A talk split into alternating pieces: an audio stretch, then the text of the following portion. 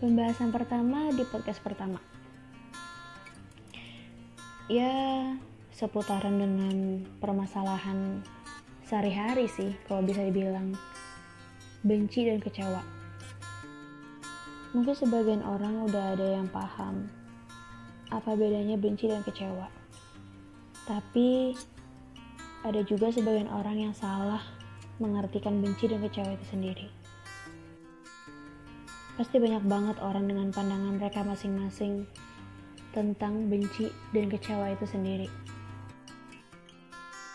Oke, okay, for example, ada orang yang menanggapi rasa benci itu dengan benci banget sampai nggak mau tegur sapa. Ada juga orang yang menanggapi rasa kecewa itu dengan diam dan cukup tahu dan ada juga orang yang benci dan kecewa itu digabung.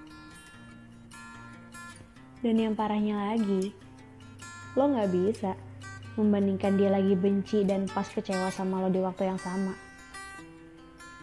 Itu yang bahaya. Boleh gak sih gue cerita? Ya udahlah ya, ini kan podcast pertama gue, tapi jangan di skip. Awas lo kalau di skip. benci dan kecewa pada waktu yang bersamaan. Wah, itu parah banget asli. Kalau dibilang down, down banget. Dibilang kacau, kacau banget. Kalau dibilang bingung, bingung banget. Karena bingungnya itu kayak ya udah lo bingung, lo harus ikapin benci dan kecewa itu kayak gimana.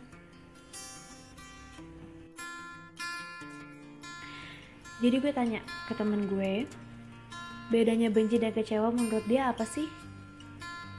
Nah, kalau menurut pribadinya, dia benci sama orang yang suka membanding-bandingkan orang lain. Ya karena gak logis aja gitu, semua orang harus sama di mata dia.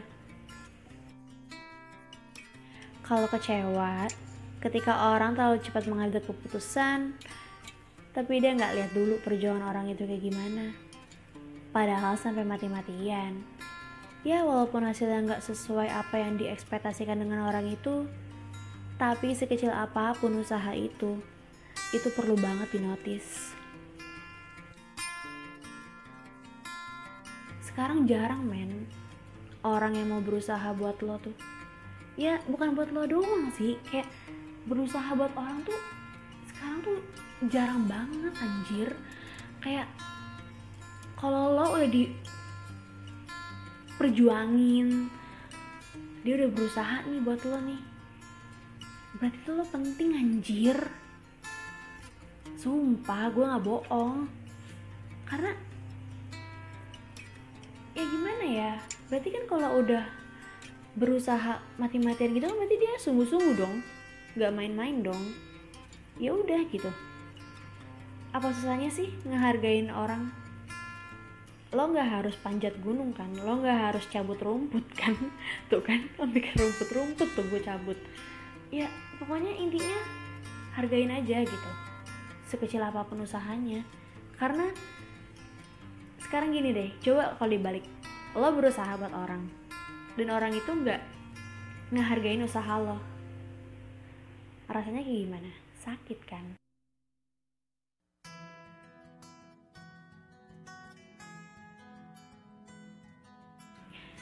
Jadi gue tanya, kesimpulannya itu apa sih? Dan menurutnya, benci dan kecewa itu sendiri adalah yang paling sakit itu kecewa. Kalau benci versinya itu, ya benci-benci aja gitu, gak ada sakit. Kalau kecewa, dia menyikapinya ya biarin aja lah. Kalau terus dipikirin cuma jadi batin. Tapi, jangan harap orang itu kenal dia lagi. Simple kan?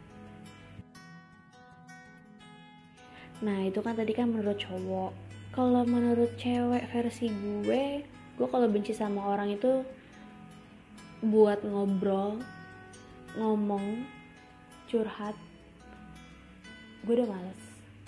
Karena gini Ah gue benci sama lo gitu. Tapi gak sakit gitu loh. Maksudnya Gak sampai jelek banget ke hati gitu loh. Karena benci ya udah gitu benci aja gitu kan paling gue kayak say hello kayak hai apa kabar kayak gitu gitu ya udah gitu. Ya karena itu kalau menurut gue ya basa-basi gitu kan. Karena sekarang kan banyak banget orang yang basa-basi. Tapi kan kita nggak tahu ya kayak latar belakangnya dia lagi benci kah lagi kayak marah kah gitu kan. Karena ya udah gitu.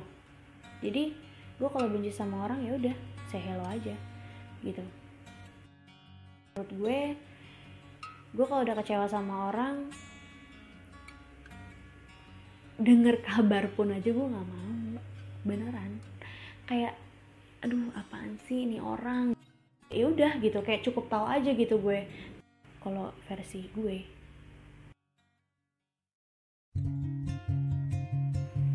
Pokoknya inti dari semua ini adalah hargain teman-teman lo yang udah baik sama lo hargain orang yang ada di sekitar lo. Jangan lo kecewain.